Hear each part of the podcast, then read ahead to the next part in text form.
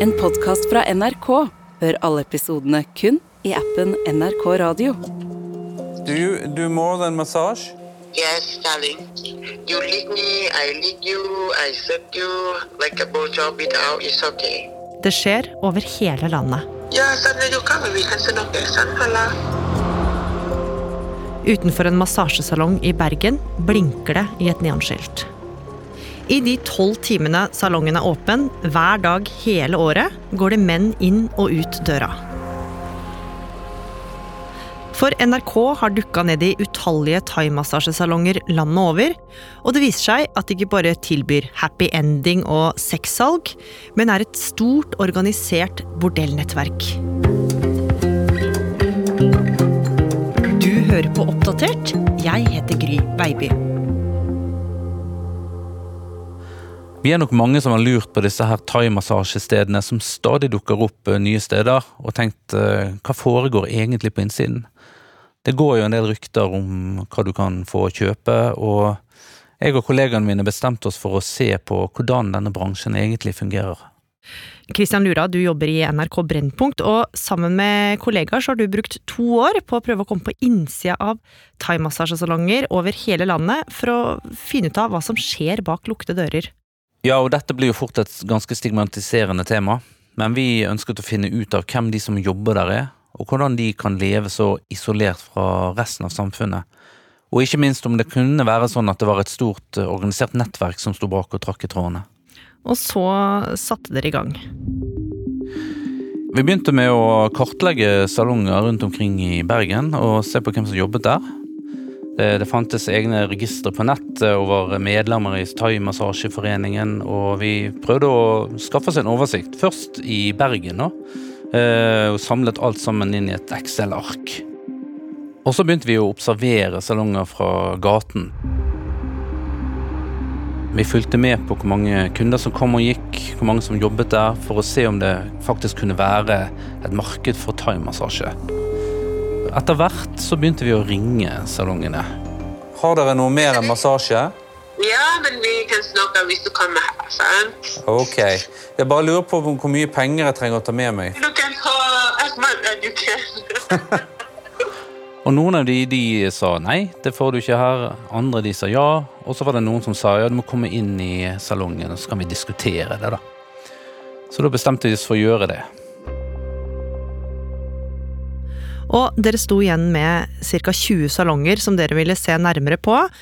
Men det var vanskelig å få dem som jobba der i tale, for dere fant fort ut at det var et veldig lukka miljø, det her.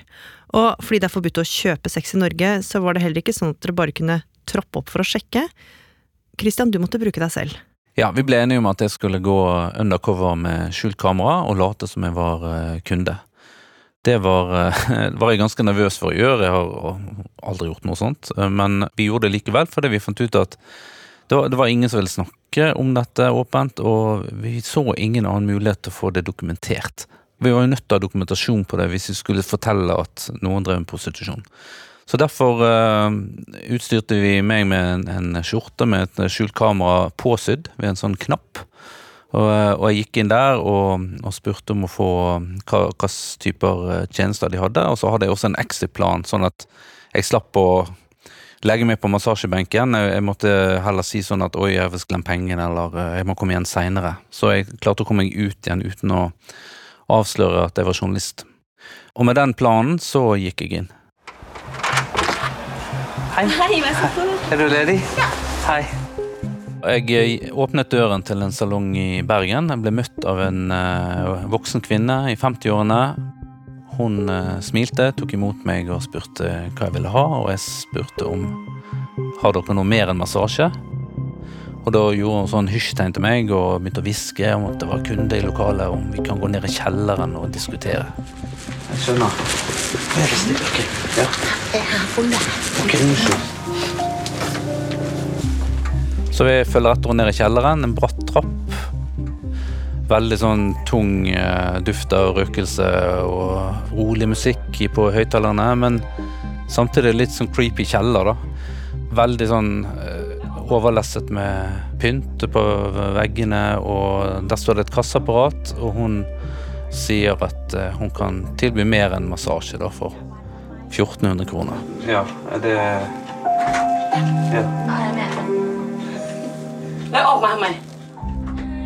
Akkurat når vi står der og snakker sammen, så kommer det en eh, yngre kvinne ut av et rom, og de snakker sammen på thai. Og da er jeg egentlig på vei ut igjen, fordi jeg har fått denne det som jeg var ute etter. Så Christian han går opp trappa og opp til salongen igjen, og idet han kommer til utgangsdøra, så skal det skje noe veldig ubehagelig. Idet hun skal åpne døra for meg, så sier hun at eh, du, når du kommer tilbake igjen, så kan du heller få eh, den unge damen. Jeg kan bytte med hun. Og Da blir jeg litt sånn perpleks og sier jeg, å ja, samme pris? Ja da, samme pris. Jeg eh, bytter med hun. Og så sier jeg ja vel, det er fint, og så gikk jeg derifra. Men det spesielle og ganske ubehagelige med den situasjonen der, var jo at jeg med en gang hadde kjent igjen den eh, kvinnen, den unge kvinnen. For eh, vi hadde sett henne på sosiale medier sammen med den andre kvinnen. Vi visste jo at uh, hun var 22 år, og vi visste at det her var snakk om mor og datter. Ja, så hun du akkurat hadde forhandla pris med, hun hadde da tilbudt seg datteren sin. Noen dager etter så dro en kollega deg tilbake, men denne gangen med åpent kamera, for da skulle dere fortelle at den litt nervøse mannen som hadde vært hos dem litt før, egentlig hadde vært der i et annet ærend. Nemlig at du var der som journalist, og at alt som hadde skjedd, hadde blitt filma med skjult kamera. Ja, kollegaene mine dro tilbake igjen for å snakke med kvinnen som jeg hadde inngått uh, avtalen med. Det var viktig for oss at vi, uh, vi ga de mulighet til å svare og snakke med oss, og vi var jo veldig interessert i deres versjon om hva som egentlig hadde foregått. Kvinnen var helt tydelig uh, opprørt da vi kom. Det var åpenbart en veldig vanskelig situasjon for henne. Du har også tilbudt massasje og sex med din datter. Og hun begynte å snakke på thai, og vi forsto ikke så mye av, av det hun sa. Eh, men hun sto der også med datteren, og, og datteren snakket til oss eh, og sa at, påpekte at hun var voksen, at hun tok sine egne valg. Og så slo hun ut med armene og sa sånn Hva annet skal jeg gjøre?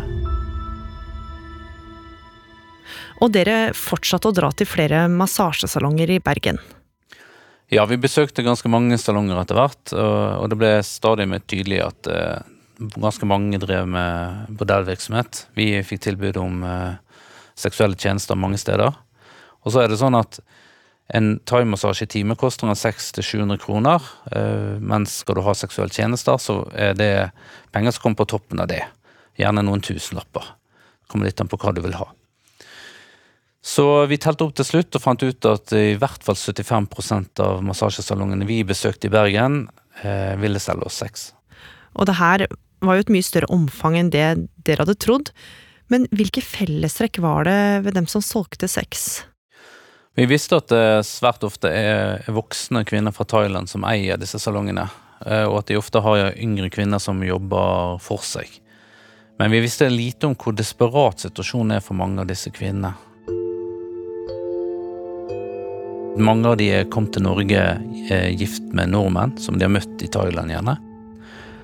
Og selv om eh, de på papiret har krav på et uh, norskkurs, så er det sånn at de reglene er veldig kompliserte, og i praksis så er det veldig få av disse kvinnene som da kvalifiserer til å få gratis norskopplæring. De kommer gjerne inn i, i, en familie, og ofte går de ekteskapene ganske dårlig. Og når de da står der eh, skilt, så er de på bar bakke. De kan ikke språket. De har ingen utdannelse å snakke om. De har ikke noe særlig nettverk å snakke om. Hvis de er heldige, så kan de kanskje få jobb på en thai-restaurant eller en vaskejobb, men for mange så blir thaimassasjesalongene en mulighet for å tjene noen penger og stå på egne bein. Og mange av de vil jo sikkert bare jobbet med massasje, men det er så dårlig betalt at uh, for å få det økonomiske til å gå rundt, så føler de seg tvunget til å selge sex. Ja, for uh, mange satt jo igjen bare med noen hundrelapper etter lange arbeidsdager med vanlig massasje.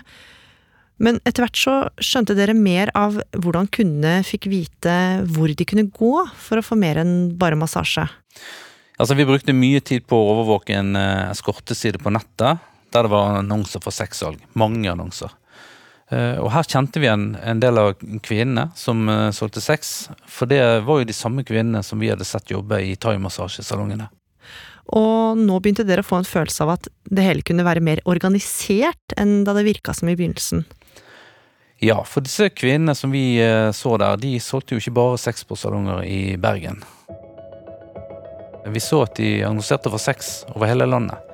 Fra Porsgrunn og til Moss og til Oslo og til Tromsø. Så vi begynte å lure på om dette kunne være en del av noe større. da. Så da begynte vi å se kan det være et stort nettverk her som organiserer de omreisende kvinnene. Og så oppdaget vi at på Facebook var det også en del aktivitet. Vi fant eh, lukkede Facebook-grupper for thai i Norge. Og vi laget oss en falsk Facebook-profil og utga oss for å være en eh, thai-kvinne. Og så fikk vi tilgang til den hemmelige gruppen. da. Og her fikk vi jo mye mer informasjon om hvordan dette organiseres. For I denne gruppen så leide salongeiere over hele landet ut rom til omreisende massører.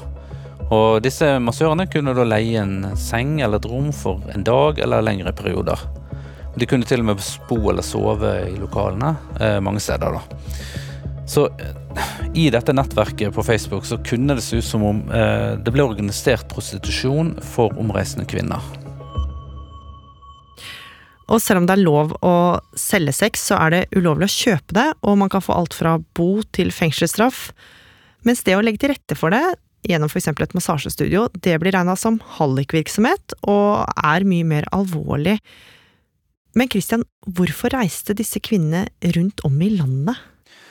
Nei, altså det som politi og hjelpeapparat har sagt til oss i hvert fall, er at eh, det er jo sånn at disse salongene har behov for nye kvinner inn fordi kundene ønsker å se nye ansikter, nye fjes. Så det er rett og slett for at kundene krever litt variasjon. Ja, men fortsatt så var det litt uklart for dere hvordan det hele foregikk i praksis. Men så, etter en lang dag med spaning på ulike salonger i Bergen, så skulle dere finne ut mer om hvordan livet som en omreisende massør var, og om det eventuelt var noe som trakk i trådene for å få det hele til. Vi satt i bilen og spanet, sånn som vi hadde gjort mange ganger før. Og så uh, plutselig så kommer det en bil, og inni der sitter det en kvinne som vi har sett før. Hun har vært på flere annonser på dette eskortenettstedet, og vi visste at hun uh, jobber som massør i, i Bergen. da. Men vi hadde også mistanke om at hun eh, reiste rundt og jobbet andre steder i landet. Og når vi så hun ikke kjørte til eh, massasjesalongen i Bergen denne dagen, så fant vi ut at vi ville følge etter og se hvor hun skulle. Og eh, hun kjørte til Flesland lufthavn og gikk ut av bilen. Tok med seg en svær koffert og gikk inn på flyplassen og sjekka inn. Og dere visste jo ikke hvor hun skulle, men nå skulle dere få litt uventa hjelp, for i sosiale medier så kunne dere følge hele reisa hennes, og det skulle føre dere til et ganske spesielt sted. Ja, vi visste at hun eh, legger ut eh, mange videoer på TikTok, og vi dro og fulgte med på sosiale medier og så at hun eh, la ut en video der hun spiser en burger på flyplassen. Det viste seg etter hvert å være et fast ritual, nærmest. Og så så vi òg at hun landet en annen plass i landet, og vi så bilder av henne i en ny salong. Og vi visste jo fortsatt ikke hvor denne salongen var. Men etter hvert så la hun ut enda en video der hun filmer ut av vinduet på et hus. Det ser ut som hun er i andre eller tredje etasje. Vi ser et jorde, og vi ser en vei, og vi ser noe buskas. Eh, og eh, vi hadde jo selvfølgelig noen mistanker til hvor det kunne være, og ved hjelp av eh, litt Google Street View og andre verktøy, så klarte vi å finne frem til plassen der hun sannsynligvis jobbet, da. En plass på Gjerdrum utenfor Gardermoen. Og dette var et sted vi visste at det allerede lå en massasjesalong. Så nå hadde denne kvinnen altså ført dere til det dere mistenkte at var mer enn bare et massasjested, og nå var dere fast bestemt på at dere ville prøve å finne ut av mer om hva slags sted dette her egentlig var, og hvordan det ble lagt til rette for at kvinner kunne reise og jobbe på denne måten. Ja, vi hadde jo fortsatt å følge med på stedet, og også alle disse kvinnene etter hvert som reiste rundt. Vi hadde jo sett at akkurat denne kvinnen hadde reist til mange steder i Norge, og nå så vi plutselig at hun skulle tilbake igjen til Gjerdrum, så da heiv vi oss på et fly til Gardermoen. Men denne gangen så var dere bedre forberedt, og du bestilte nå en massasjetime av henne. Ja, for nå ville vi gjerne komme på innsiden og, og snakke med henne. Bestilte en time, og det fikk jeg klokka sju, tre kvarter etterpå. Så jeg gikk bort til dette ganske store kontorbygget på Gjerdrum og ringte på døren. Hallo. Hun åpnet opp, jeg gikk opp i andre etasje i bygget. Eh, Inn en ny dør, og der var det en liten resepsjon med en sånn eh, vinkekatt som sto, og, og pynt på veggen, og lav musikk, lite belysning. Hun tok imot meg og førte meg inn i en eh, korridor. Det var et tydelig sånne gamle sånn cellekontor som eh, forsikringsselskapet hadde sittet i sin tid. da. Og så i den innerste, på det innerste kontoret, der tok hun meg med inn. Der var det en seng, og så vidt det var plass til sengen.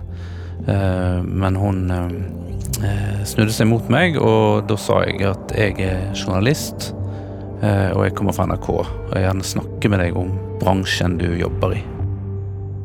Hvordan reagerte hun da? Hun ble veldig, veldig sint. Hun var ikke så veldig glad for at jeg ikke hadde vært ærlig med henne i utgangspunktet.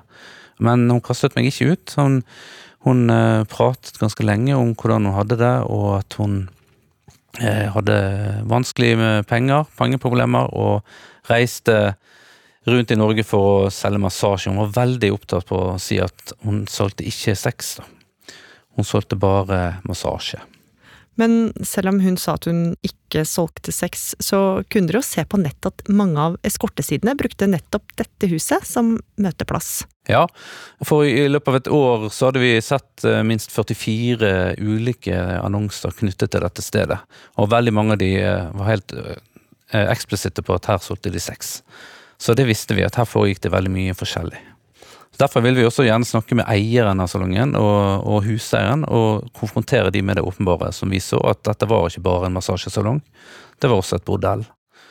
Og det betyr jo at hvis du eier eller driver et sted og vet det selger sex der, og uten å gjøre noe med det, så bryter du norsk straffelov. Da er du en hallik. Så snakket vi seinere med, med både huseier og salongeier, og, og eh, ingen av de eh, kjente til noe sexsalg i lokalene, sier de. Men massasjesalongen på Gjerdrum var jo bare én av mange, for dere fant ut at det var rundt 80 sånne salonger over hele landet, og at det er rundt 300 kvinner som reiste rundt og solgte sex. Og alt sammen var organisert gjennom et stort nettverk på Facebook og eskortesider og ulike salonger. Men Christian, det var jo ikke bare kvinnene som solgte sex, eh, og de som eide salongene som dere fulgte med på. Dere har jo også kartlagt en del av kundene, altså de som gjør noe kriminelt ved å kjøpe sex. Hva veit vi om dem? Altså Vi satt jo ute og fulgte med på mange salonger på gaten, og så kunder komme og gå. Noen av de klarte vi å identifisere, for de kommer gjerne i bil, og biler har et uh, registreringsnummer. Og vi fant igjen da disse personene på sosiale medier, så vi visste at det var rett mann vi hadde funnet. Men vi kan jo ikke vite, vi kan jo faktisk ikke vite om de faktisk bare fikk massasje, eller om de fikk noe mer. Men det vi i hvert fall så, var at disse kundene de var veldig ofte gift. De var uh, i typiske 50-årene, og vi uh, traff på alt fra prester til taxisjåfører. Hmm. Og det som også var spesielt, var at de, de har eh, egne forum på eh, diverse nettsider der de diskuterer salongene. Hvor er det best å gå, hvem har de beste teknikkene, hvordan skal man prute på prisen? Og da er man ganske eksplisitt, altså. Da snakker man om hvilke seksuelle tjenester som tilbys på den ene og andre adressen. Men hva med salongene da, Christian? Hvordan ser det ut i resten av landet? Ja, vi så jo at det vi hadde funnet i Bergen, der 75% tilbyr sex, at det er et bilde som stemmer ganske godt overens med resten av landet, når vi ringte rundt til salonger andre steder i landet. Vi har også en eh, svensk rapport eh, som vi kjenner til, av, gjort av svensk politi, som viser at i Sverige så er det rundt 80% av salongene som selger sex.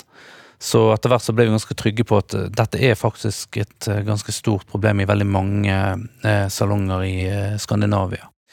Men så er det veldig viktig å si at det finnes en del seriøse thaimassasjesalonger. De prøver å drive ærlig, bare selge thaimassasje.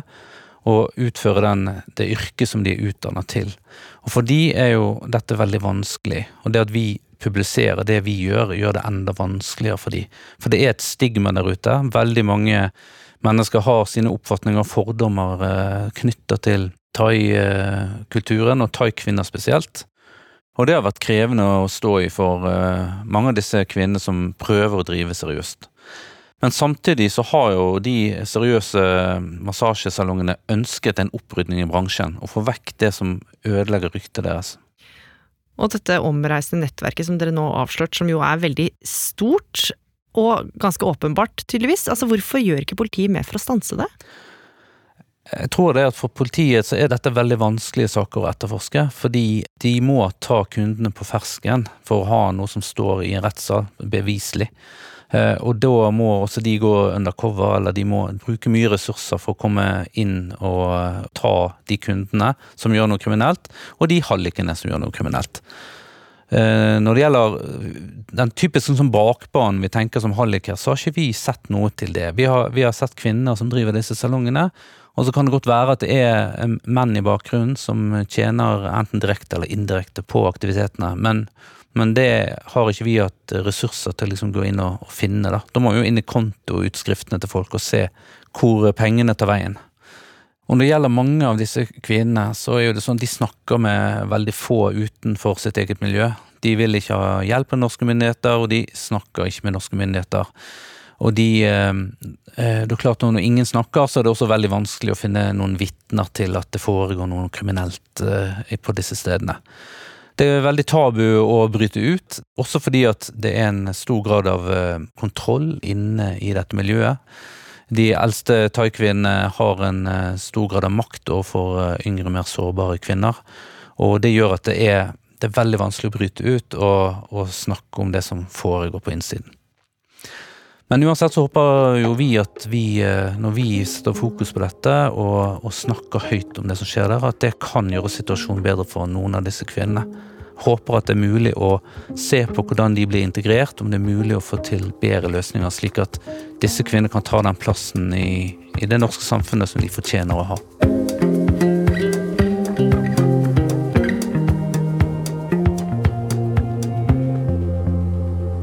Oppdatert er en podkast fra NRK Nyheter, og denne episoden den ble laga av oss. Produsent Kaja Kirsebom. Lyddesign Andreas Berge. Vaktsjef Ina Swann. Og jeg heter Gry Veiby. Programredaktør er meg, Knut Magnus Berge. Klippene du har hørt, er fra NRK. Har du tips eller innspill, så må du gjerne sende oss en e-post på oppdatert krøllalfa nrk.no.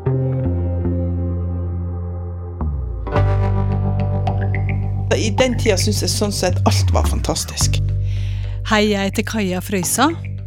En dansk guru har i flere tiår fått med seg eventyrlystne norske ungdommer til å jobbe gratis for sin idealistiske og omreisende folkehøyskole.